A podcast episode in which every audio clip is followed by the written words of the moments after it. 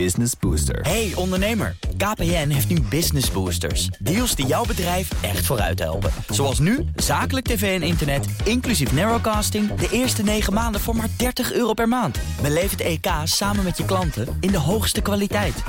Kijk op kpn.com slash businessbooster. Business Booster. BNR Nieuwsradio. Boekenstein en de Wijk. Hugo Reitsma. Victorious warriors win first and then go to war, while defeated warriors go to war first hmm. and then seek to win. Build your opponent a golden bridge to retreat across. If he sends reinforcements everywhere, he will be weak everywhere. One need not destroy one's enemy. One need only destroy his willingness to engage. De kunst van het oorlog voeren, 2500 jaar geleden al opgetekend door Sun Tzu. In fraaie aforismen die iedereen wel zal kennen. Behalve misschien Poetin, want ik hoor er een paar bij waar Rusland lelijk mee de mist is gegaan. Maar vandaag praten we over de vraag wat wij kunnen leren van de oorlog in Oekraïne voor de verdediging van Europa. Welkom bij Boekenstein naar de Wijk, op zoek naar de nieuwe wereldorde. Met de gast Peter Weininga, defensiespecialist van het Haag Centrum voor Strategische Studies. Hoi. Hi. Peter, wat heeft jou het meest verrast aan de manier waarop zo'n grote oorlog in de 21ste eeuw in Europa nu wordt gevoerd? Ja, dat het uh, een, uh, zo'n enorm bloedig conflict is uh, geworden. Waarin Rusland wederom heeft laten zien dat het bereid is grote offers te brengen in aantallen soldaten, gesneuveld, et cetera. Niet terugdeinst om grote aantallen slachtoffers ook bij de, de, vijand te maken. Met name dus de bloedigheid van dit conflict. Dat heeft me wel verrast. Ja. ja. en ouderwetse karakter lijkt het soms wel, hè? met loopgraven en artillerie. Ja, maar dat is maar deels. Uh, kijk, normaal gesproken, dit soort conflicten, uh, dat vroeger dan industriële oorlogvoering werd genoemd, hm. daar ging je uit van enorme slagpartijen tussen hele grote eenheden. Tussen legerkorpsen waar meer dan 100.000 man in zouden kunnen zitten. En divisies waar, waar, waar 30.000 man in zouden kunnen zitten. Brigades. En dat is allemaal niet het geval. Het zijn hele kleine eenheden. Het zijn bataljons van tussen de 500 en 800 man. Die worden ingezet. En dus eh, eh, sinds het eind van de Koude Oorlog hebben zowel Oost als West, NAVO en eh, Rusland, die hebben hun her krijgsmachten geherstructureerd en die, die zijn nu opgedeeld in, in kleine brokjes, in die bataljons. En die moeten nu, en dat is cruciaal, dus denk ik de allergrootste les, om daar zeg ik maar even mee te beginnen van deze oorlog, die moeten op een gesynchroniseerde manier met elkaar kunnen worden ingezet. Oekraïne slaagt erin. Ja. Rusland slaagt daar niet in. En daar denk ik dat we even over moeten praten. Dat is denk ik by far de belangrijkste les. Want al dat gezeur over. Het doet denken aan de Eerste Wereldoorlog, aan de Tweede Wereldoorlog. Dat is gewoon niet zo. Dat doet het absoluut niet aan denken. Het is, is gewoon iets nieuws. Ja, daar ben ik het eigenlijk wel mee eens. Uh, dit is iets nieuws. Je ziet inderdaad hè, die, die bataljon uh, uh, grote groepen, BTG's worden ze genoemd, Battalion Tactical Groups. Ja. Dat zijn samengestelde eenheden. Dus waar je organiek hebt, een bataljon infanterie, een bataljon cavalerie en een bataljon genie of artillerie, zijn het nu samengestelde groepen. Dus je ziet binnen zo'n bataljon cavalerie, infanterie, artillerie, allemaal tezamen. Ja. Um, dat moet, volgens de theorie, ja heel goed gecoördineerd samengaan. En in de praktijk, en dat is een van de punten die Europa hier aanhaalt, gebeurt dat juist niet bij de Russen. Ja. En bij de, bij de Oekraïners wel. Ja. Het is dus een commandovoeringsprobleem in belangrijke mate. Precies. En dat is aan de ene kant is dat een technisch probleem. Technisch in de zin van uh, heb je de middelen beschikbaar om bijvoorbeeld informatie via satellieten, drones en de hele blikse boel, mhm. spionnen, special forces op de grond om dat allemaal aan elkaar te koppelen en op de juiste plek in het slagveld te, te brengen. Oekraïne kan dat. Uh, daar hebben ze een, uh, zo, het zogenaamde Delta-systeem voor uh, ontwikkeld. dat hebben ze zelf gedaan, maar wel helemaal volgens NAVO-standaards. Dat is echt heel interessant. En je kunt op elke device kun je aflezen mm -hmm. waar de tegenstander zit. En dan kan, je, dan kan je doorpakken. De Russen kunnen dat niet. En daar komt ook nog een keer bij dat naast dit technische probleem uh, je hele goede onderofficieren moet hebben. Corporaals, maar ook, uh, ook officieren in de lage rangen. Uh, dat hebben de Oekraïners gedaan en de Russen hebben dat niet gedaan. Die, die zijn gewoon niet in staat om, om die, die, die onderofficieren. Om die goed in te zetten en die kleine eenheden te laten eh, runnen. Dat, kunnen ze gewoon Dat niet. is een wezenlijk verschil, inderdaad. Ja, wat zien we in de, in de andere domeinen? Zoals cyber bijvoorbeeld wordt vaak gezegd, lijkt relatief afwezig. Of de luchtmacht, die speelt niet zo'n Ja. grote rol. Cyber is wel aanwezig, maar het is bijna een parallelle oorlogvoering. Dat betekent dat cyber de fysieke oorlogvoering weinig beïnvloedt, eigenlijk. En dat doet me een beetje denken, als we nou toch vergelijkingen maken met de Eerste Wereldoorlog, aan het luchtwapen in de Eerste Wereldoorlog. Ook dat was bijna een parallelle oor- oorlogvoering aan de grondoorlog. De luchtoorlog heeft de grondoorlog in de Eerste Wereldoorlog niet beïnvloed. Dat begon eigenlijk pas in de Tweede Wereldoorlog. Dus het, het luchtwapen moest volwassen worden. En ik denk dat met cyber eh, ongeveer een, eenzelfde ontwikkeling zou kunnen zien. Eh, waardoor het in een volgende oorlog misschien wel veel meer Ja. gericht wordt op het juist eh, eh, verstoren van die fysieke oorlogvoering, beïnvloeden daarvan.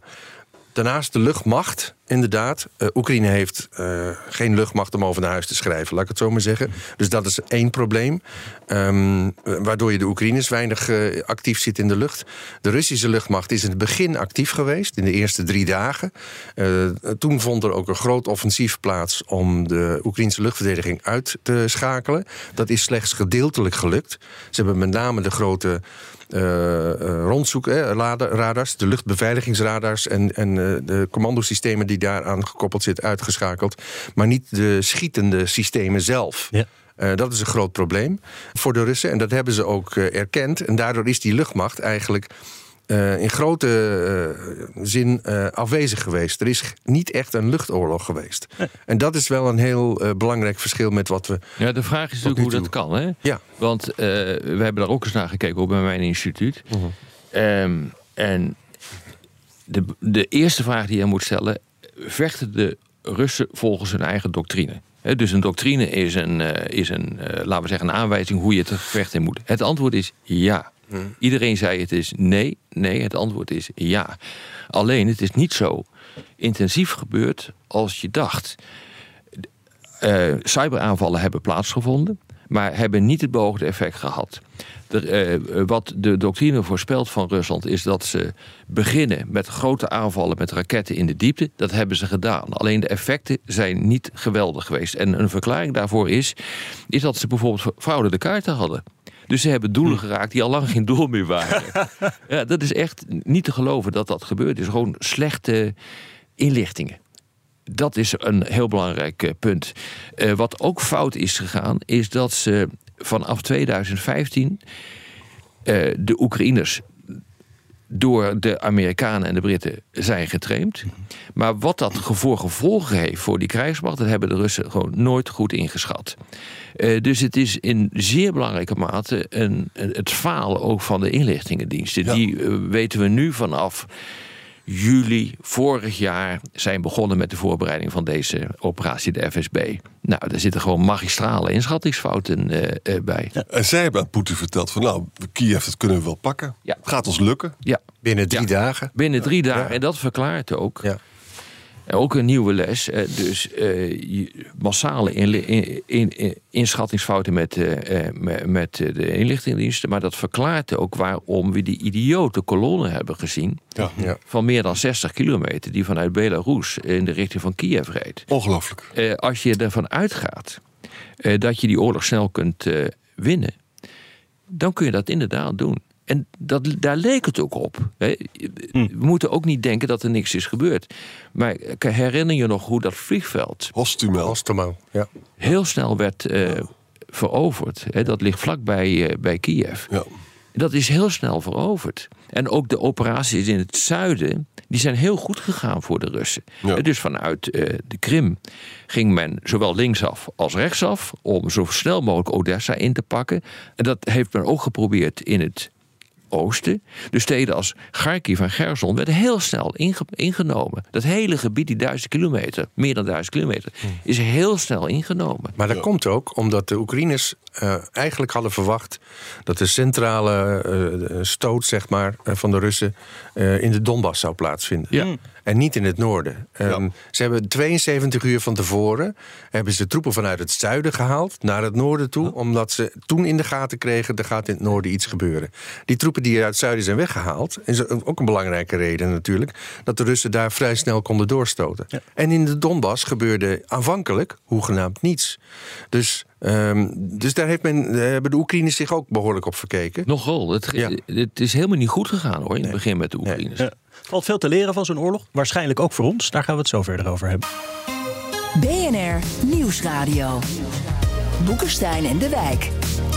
Op zoek naar de nieuwe wereldorde. Dit is Boekenstein en de Wijk. En dat programma is natuurlijk niet zonder Arend-Jan Boekenstein en Rob de Wijk. Mijn naam is Hugo Reitsma. En we praten met HCSS defensiespecialist Peter Weiniga over Oekraïne en de verdediging van Europa. Daar wil ik het nu over hebben. Wat de lessen voor de NAVO zouden kunnen zijn. Hangt er natuurlijk ook vanaf hoe de politieke kaart er na deze oorlog in Europa uitziet. Arend-Jan, wat, wat zou je daarvan kunnen zeggen? Het is eigenlijk ligt het heel gecompliceerd. Want uh, kijk, je hebt altijd van die. Je hebt, vroeger had je zo'n NAVO-kamp en zo'n EU-kamp. En die gaan niet met elkaar strijden. Maar het is natuurlijk wel waar dat uh, wat Rob laatst zei: van het zijn NAVO-lidstaten die doen en niet de NAVO zelf, omdat ze namelijk niet in die oorlog ja. zullen geen derde wereldoorlog hebben. Dat is genuanceerd. En het is tegelijkertijd ook zo dat de EU, die, die vaak heel zwak wordt gezien, toch wel degelijk de eenheid heeft bewaard met die sancties. Dat is eigenlijk toch heel indrukwekkend. We zien ook dat op het militaire gebied er echt stappen worden geboren voor investeringen, ook op het niveau van de lidstaten. Dus het is eigenlijk een heel gemengd beeld waarbij je zou kunnen zeggen... de NAVO heeft geoefend in het voorkomen van de derde wereldoorlog. Dat is het tot nu toe gelukt. En toch hebben ze veel eh, gedaan. En de EU is gewoon doorgegaan. Heel vaak zijn het ook dezelfde staten.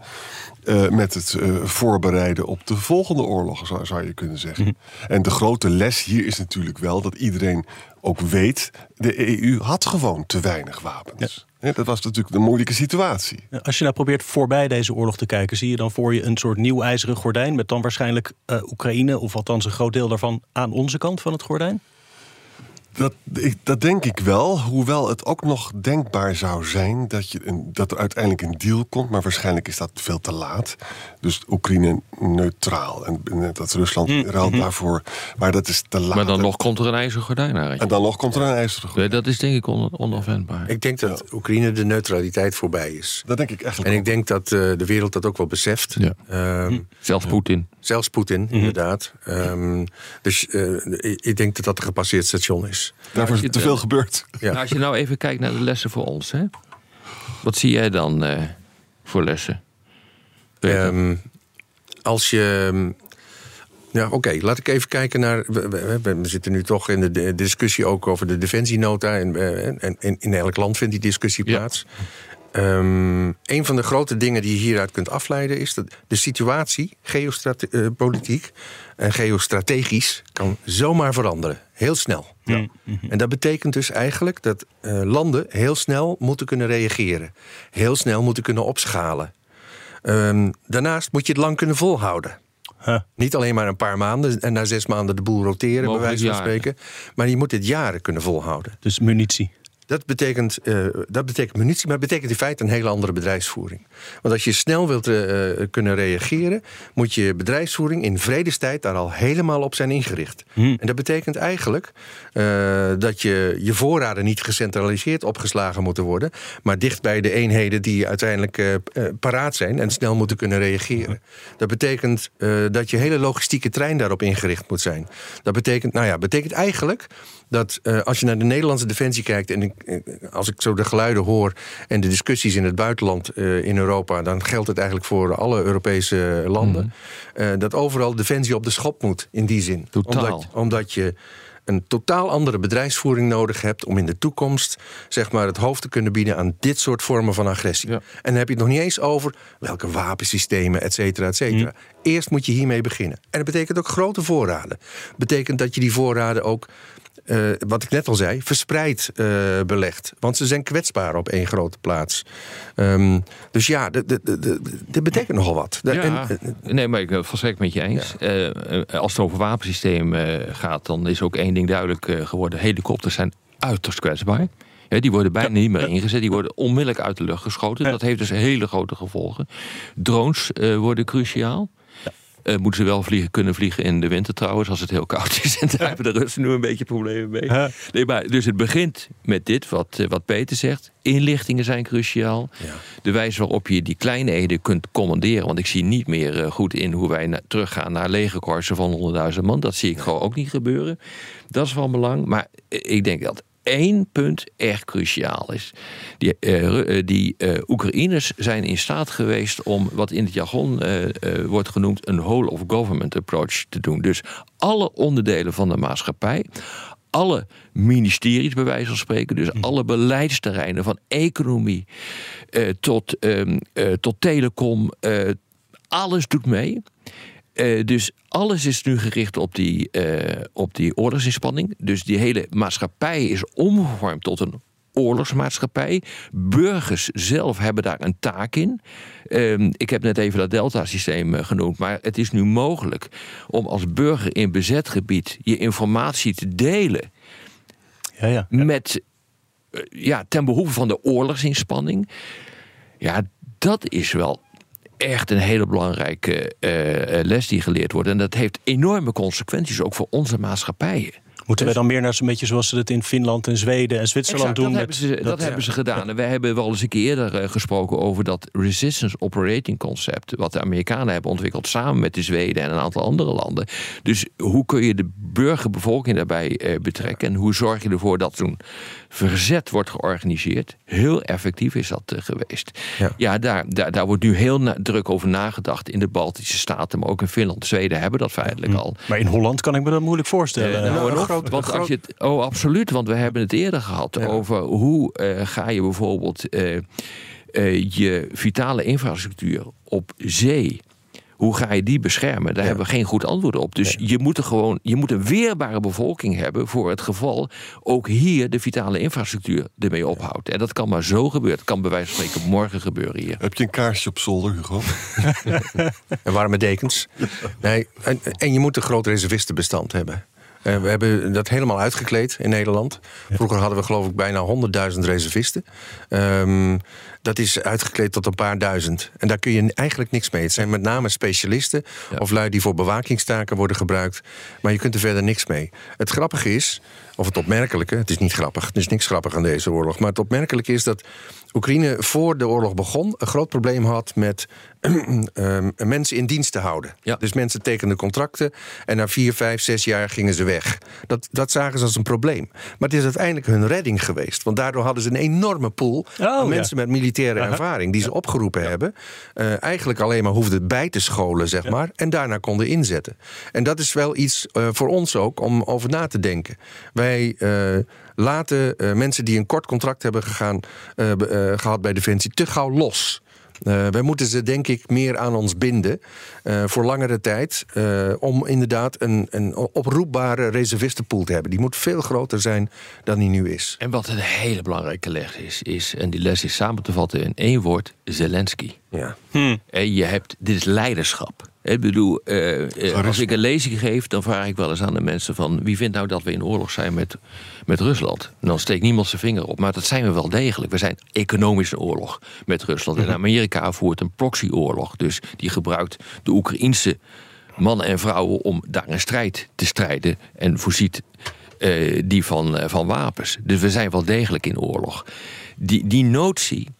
Eh, dat leiderschap is wel heel erg belangrijk. Want wat Zelensky heeft gedaan, is zijn oorlog onze oorlog maken. Zonder Zelensky hadden we gezegd: nou ja, oké, weet je, ach, die Donbass, laat maar. Hadden we precies hetzelfde gedaan als, in, eh, eh, als met de Krim in 2014. En daar, ik denk dat Poetin daarop ge- eh, gerekend heeft. En heeft niet gerekend op een man als Zelensky. Nee, precies. En ehm, eh, dat is een hele belangrijke les. Hè. Dit, dit, dit red je niet met de Ruttes van deze wereld, om maar zo te zeggen. Nee. En Zelensky heeft het land dus ook verenigd. Dat was helemaal niet zo Nee, verenigd. precies. Je kunt eigenlijk wel stellen dat Oekraïne als staat nu pas eigenlijk ontstaat. Ja, Ja.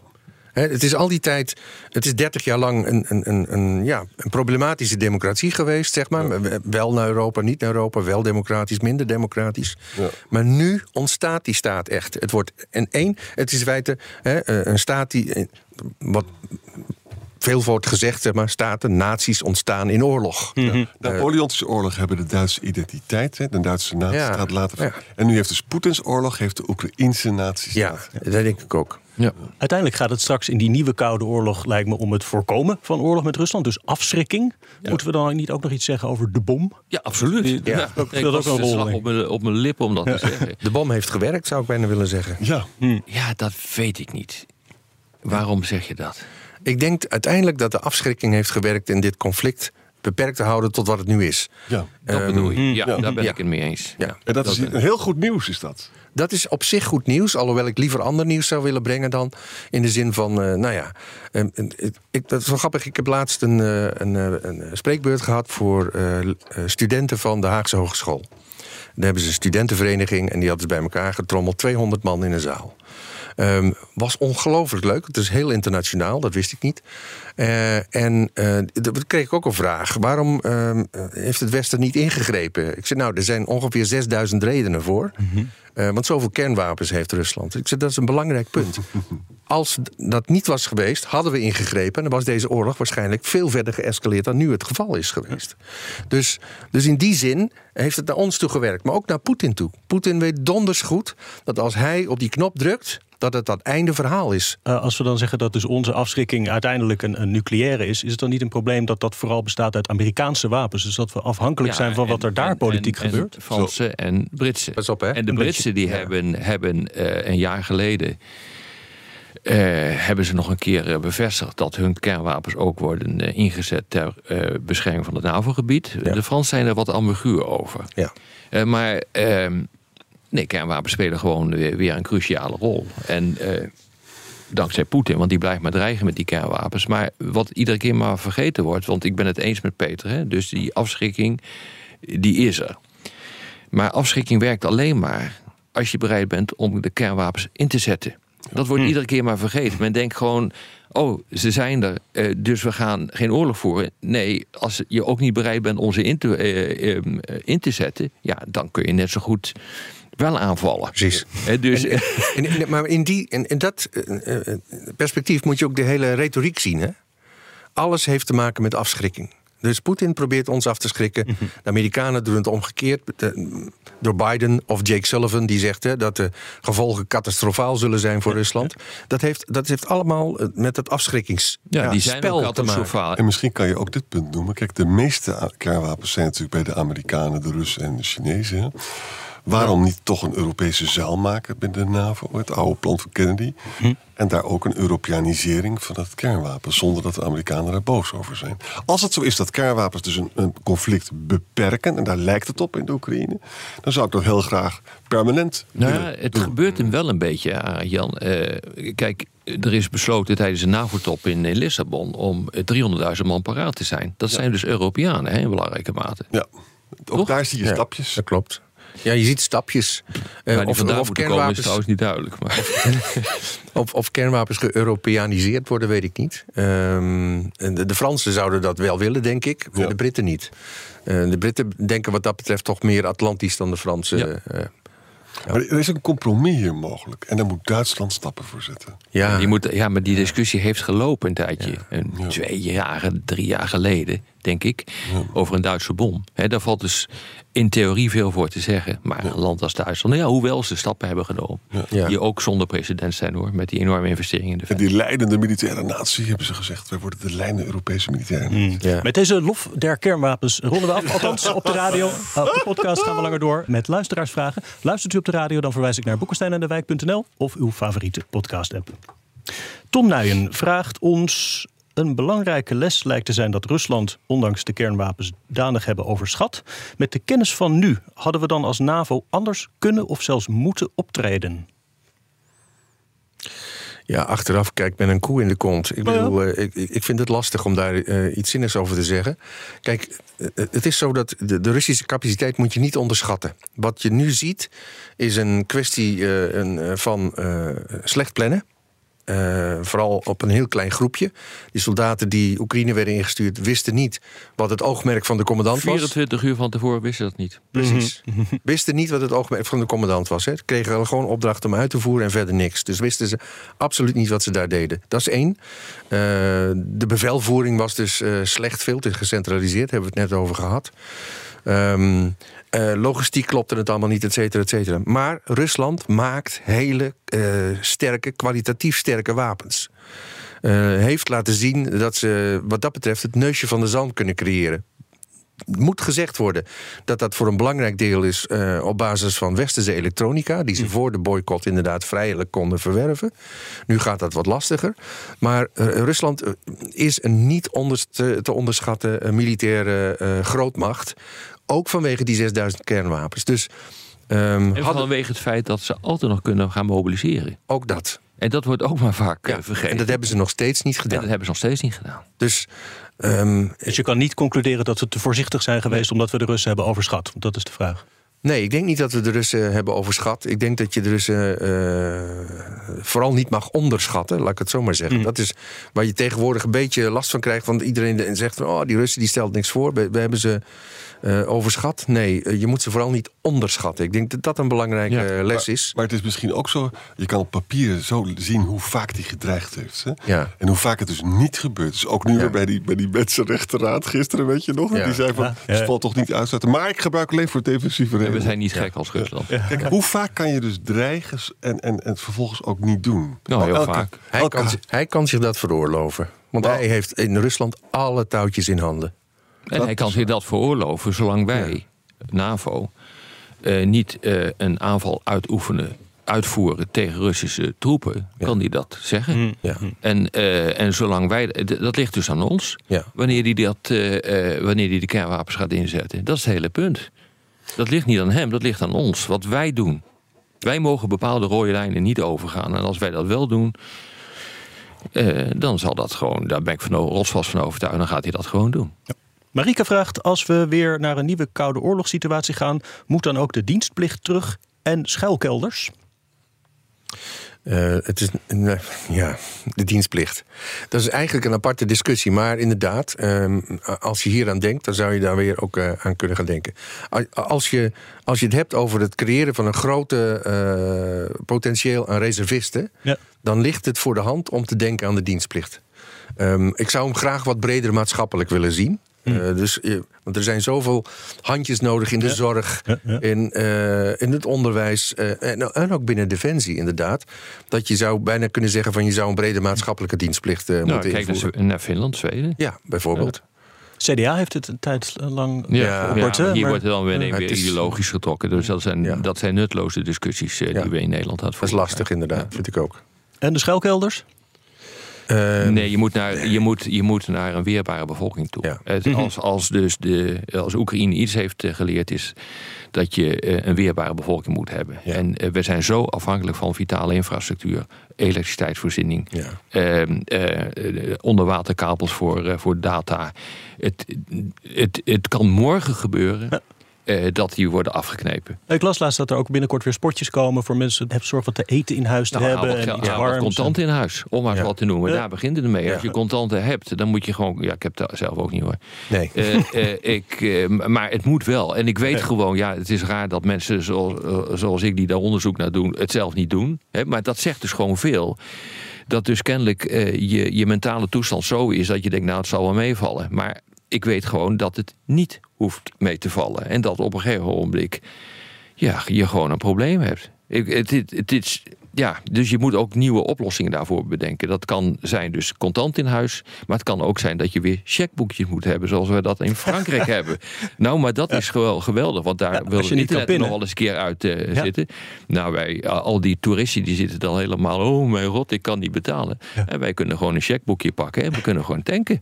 En dat is echt gewoon een hele andere manier van denken. Dat zou je eigenlijk ook hier in Nederland moeten doen. Ik denk aan deze, tip voor de banken. denk aan deze winter. Hè. Deze winter noopt tot maatregelen. Ook binnen huishoudens. Ehm, en, en zo moet je het eigenlijk ook zien als het over oorlogsdreiging gaat, denk ik. Ja, dat denk ik ook. Wouter Gerards vraagt: Ik hoor bij jullie regelmatig dat tot wel 80% van de raketten tegenwoordig uit de lucht wordt geplukt. Ja. Komt er een moment dat we de nucleaire dreiging kwijt kunnen raken Nee. door een betere Iron. Nee? Nee, Nee. want er gaat via balletjes een raket en die kunnen we niet uit de lucht breken. Nou Oh, die ja, niet. die kunnen we ook wel uit de lucht halen, maar beperkt. Ja. Kijk, geen enkele verdediging, ook luchtverdediging niet, is 100% echt effectief. Eh, op een gegeven moment kom je op een punt, eh, zeg maar, eh, dat de, de winst van het nog meer bijplaatsen van luchtverdediging eigenlijk veel minder eh, verbetering oplevert dan je zou verwachten. Eh, je moet keuzes blijven maken. Dat betekent ook dat er eh, raketten doorheen zullen komen. En dat moet je proberen vitale punten met name te beschermen. Eh, maar je kunt niet 100% eh, Nee, verdedigen. en als er één kernwapen doorheen komt, Ja, dan ja, is ramp gebeurd. niet te overzien. Dus, gebeurd. en die komt er Ja. altijd doorheen. En dus wat de Russen ook doen, eh, eh, die sturen eh, met die hele golven eh, zeg maar, eh, van raketten en kruisvluchtwapens ook gewoon lege kruisvluchtwapens mee, die, waar Ja, geen ja. explosief in zit. Ja. Gewoon om de luchtverdediging te verzadigen. Ja. Dus weet je, eh, eh, eh, er gaat altijd iets doorheen komen. En je moet proberen de gevolgen van die eh, penetraties, laat ik het zo maar zeggen, in dat, in dat verdedigingssysteem zo goed mogelijk op te vangen. Dat is eigenlijk wat je zou moeten doen. Eh, Erhem vraagt. eh, Polen koopt enorme hoeveelheden tanks. Die zitten aan het front. Moeten verder van Rusland gelegen landen als Nederland niet vooral vliegtuigen en raketten en zo dingen voor de grote afstand eh, aanschaffen? Ja, die discussie loopt ook. Gewoon, ge- eh, eh, ja, inderdaad, spullen voor de grote afstand. Ja, dat, eh, dat, die discussie loopt. Het hangt er dus helemaal van af wat voor bijdrage wij willen leveren aan de verdediging van de NAVO. Dat is echt de grote discussie eh, nu. En met welke troepen wil je dat dan gaan doen? En hoe, hoe ga je dat dan met je landstrijdkrachten eh, doen? Waar gaan die dan zitten? Wat voor, wat voor bijdrage lever je dan aan de bescherming van de Baltische Staten, om eens wat eh, te noemen? En van Polen. En hoe bescherm je de aanvoerlijnen vanuit Rotterdam naar het front toe? Eh, daar moet Nederland een cruciale rol in spelen. Misschien hebben we wel heel veel eh, militairen nodig op Nederlands grondgebied. Dat wordt ook maar vaak vergeten. Maar eh, wil jij dus eh, die aanvoerlijnen vanuit bijvoorbeeld Rotterdam eh, beschermen, dan heb je gewoon heel veel militairen voor nodig. Wil jij in het kader van waar we het net over hadden, eh, je vitale infrastructuur die op zee ka- kapot kan worden gemaakt en dat kan natuurlijk tot enorme problemen leiden binnen Nederland. Dan heb je gewoon niet voldoende aan de politie, aan de brandweer. Maar dan moet je ook gewoon hulptroepen uit het leger voor inzetten. In feite Daar heb je je- enorm veel eh, eh, feite- troepen voor nodig. Heb je zo'n territoriale Ja, verdedigingsmacht nodig. territoriale. En daar, zo was de Oekraïnse eh, Ja. defensie trouwens ingericht. Ja. Voor de oorlog. Ja. Ehm, Kees van Harten vraagt: De Europese NAVO-landen leunen graag op de VS aangaande de verdediging. En dat terwijl Duitsland en Frankrijk nog best een wapenindustrie hebben. Dit moet toch een dieperliggende achtergrond hebben, anders kan, ik het, vers- anders kan het verschil nooit zo groot zijn. Tussen de Verenigde Staten en Europa? Is dat wat hij bedoelt? Eigenlijk weet ik het niet zo goed wat hij hier bedoelt. Nee, ik denk, kijk, Europese industrieën concurreren te veel met elkaar. Dat is, een, dat is een groot probleem. Daar zitten nationalistische belangen achter. Want productie in je eigen land betekent eh, werk, betekent geld, is goed voor de economie. Dat is het grote probleem in de Europese gezamenlijke industriële aanpak. Ehm, als je kijkt naar een, een bekend voorbeeld wat de Europeanen overeind hebben gelopen, is de Eurofighter. Hè, de Eurofighter, die, eh, hè, die Typhoon eh, heet die dan nu, maar die werd geproduceerd. eh, aanvankelijk werd die ontwikkeld door eh, Engeland, Frankrijk, Duitsland en Italië. Frankrijk is daar in 85, eind 80 jaren uitgestapt, omdat ze hun industriële belangen, economische belangen, niet voldoende bevredigd zagen binnen dat eh, project. Rafale wilden ze zelf. En, en toen hebben ze de Rafale ontwikkeld. Die uiteindelijk een beter vliegtuig bleek te zijn, maar dat is een ander verhaal. Maar wel heel duur. Eh, ook heel duur. Dus, eh, en dat probleem dat zal binnen Europa eh, zeg maar, op blijven spelen. Terwijl het in Amerika natuurlijk allemaal binnen één hand is. Het zijn wel verschillende industrieën, die concurreren ook met elkaar. Dat is ook goed. De Amerikanen zetten voortdurend opdrachten bij die verschillende industrieën uit. Maar daar komt iets uit, ja, wat vaak veel beter is. Ook omdat er veel verder vooruit wordt gedacht.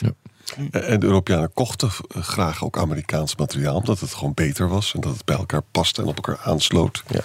Maar ook hier is het van belang dat dat die Europese defensieindustrie, die zit natuurlijk vol totaal protectionist, dat die wat meer gaat samenwerken. En dat, kijk, wij- met al die F-16 is prachtig hoor, JSF ook, maar dat, de winst gaat wel naar Amerika. Hè? Ja, maar En mogen wij ook wat verdienen? Ja, wij, wij verdien- wij verdienen verdomd veel. Want het- dat is juist het frappante. Aan die F-35, de JSF, voor, eh, zoals die als project heette. was ook een deel dat in Europa werd gedaan. Sterker nog, er bouwen meer Europese landen aan dan aan die Eurofighter. Ja, ja dat is waar. Dat is waar. Dat is iets wat iedereen vergeet. Want de Eurofighter heet Eurofighter, dus dat moet Europees zijn. Maar de- eh, aan de JSF bouwen meer Europese landen dan aan de Eurofighter. Maar dat was ook dat. De Eurofighter was echt een rampzalig eh, plan. Hè? Dat is die NH-19, of eh, hoe heet het? Weet je, die, die helikopter.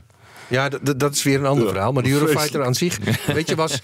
De, de, de Europeanen zagen de Amerikanen met de F-16 komen. Ja. En eh, op dat moment merkten ze dat ze een dergelijk systeem zelf eh, misten. Dus zijn ze dat gaan ontwikkelen.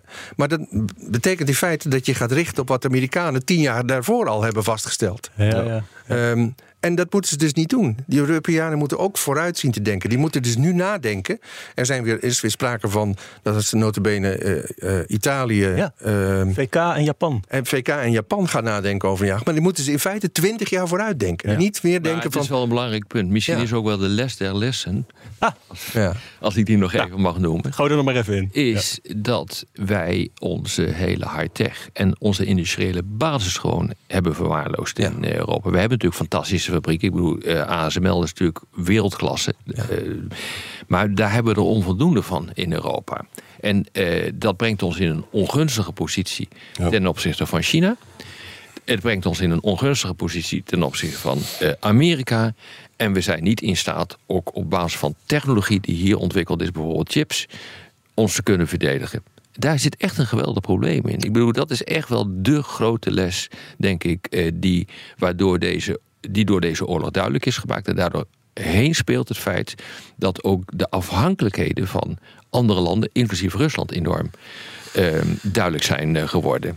Dus dit- dat hele idee van de strategische autonomie in Europa is cruciaal, maar is bijna niet in te vullen op dit ogenblik. Doordat we er gewoon zelf, ja, ja we, we hebben het laten lopen op een aantal Ja, gebieden. zoals behandeld met David Kiekermans vorige week was dat Ja, geloof ik, hè, over de exact. Europese industrie. Exact. Met de les der lessen denk ik dat we kunnen afronden. Toch? Als we de les der lessen hebben gehad. wel. Dit was weer Boekenstein aan de Wijk. Namens Arend-Jan Boekenstein en Rob de Wijk. Dank voor het luisteren. Speciale dank aan Peter Weininga. En tot maandag. Hardlopen, dat is goed voor je. En Nationale Nederlanden helpt je daar graag bij. Bijvoorbeeld met onze digitale NN Running Coach... die antwoord geeft op al je hardloopvragen. Dus, kom ook in beweging. Onze support heb je. Kijk op nn.nl slash hardlopen.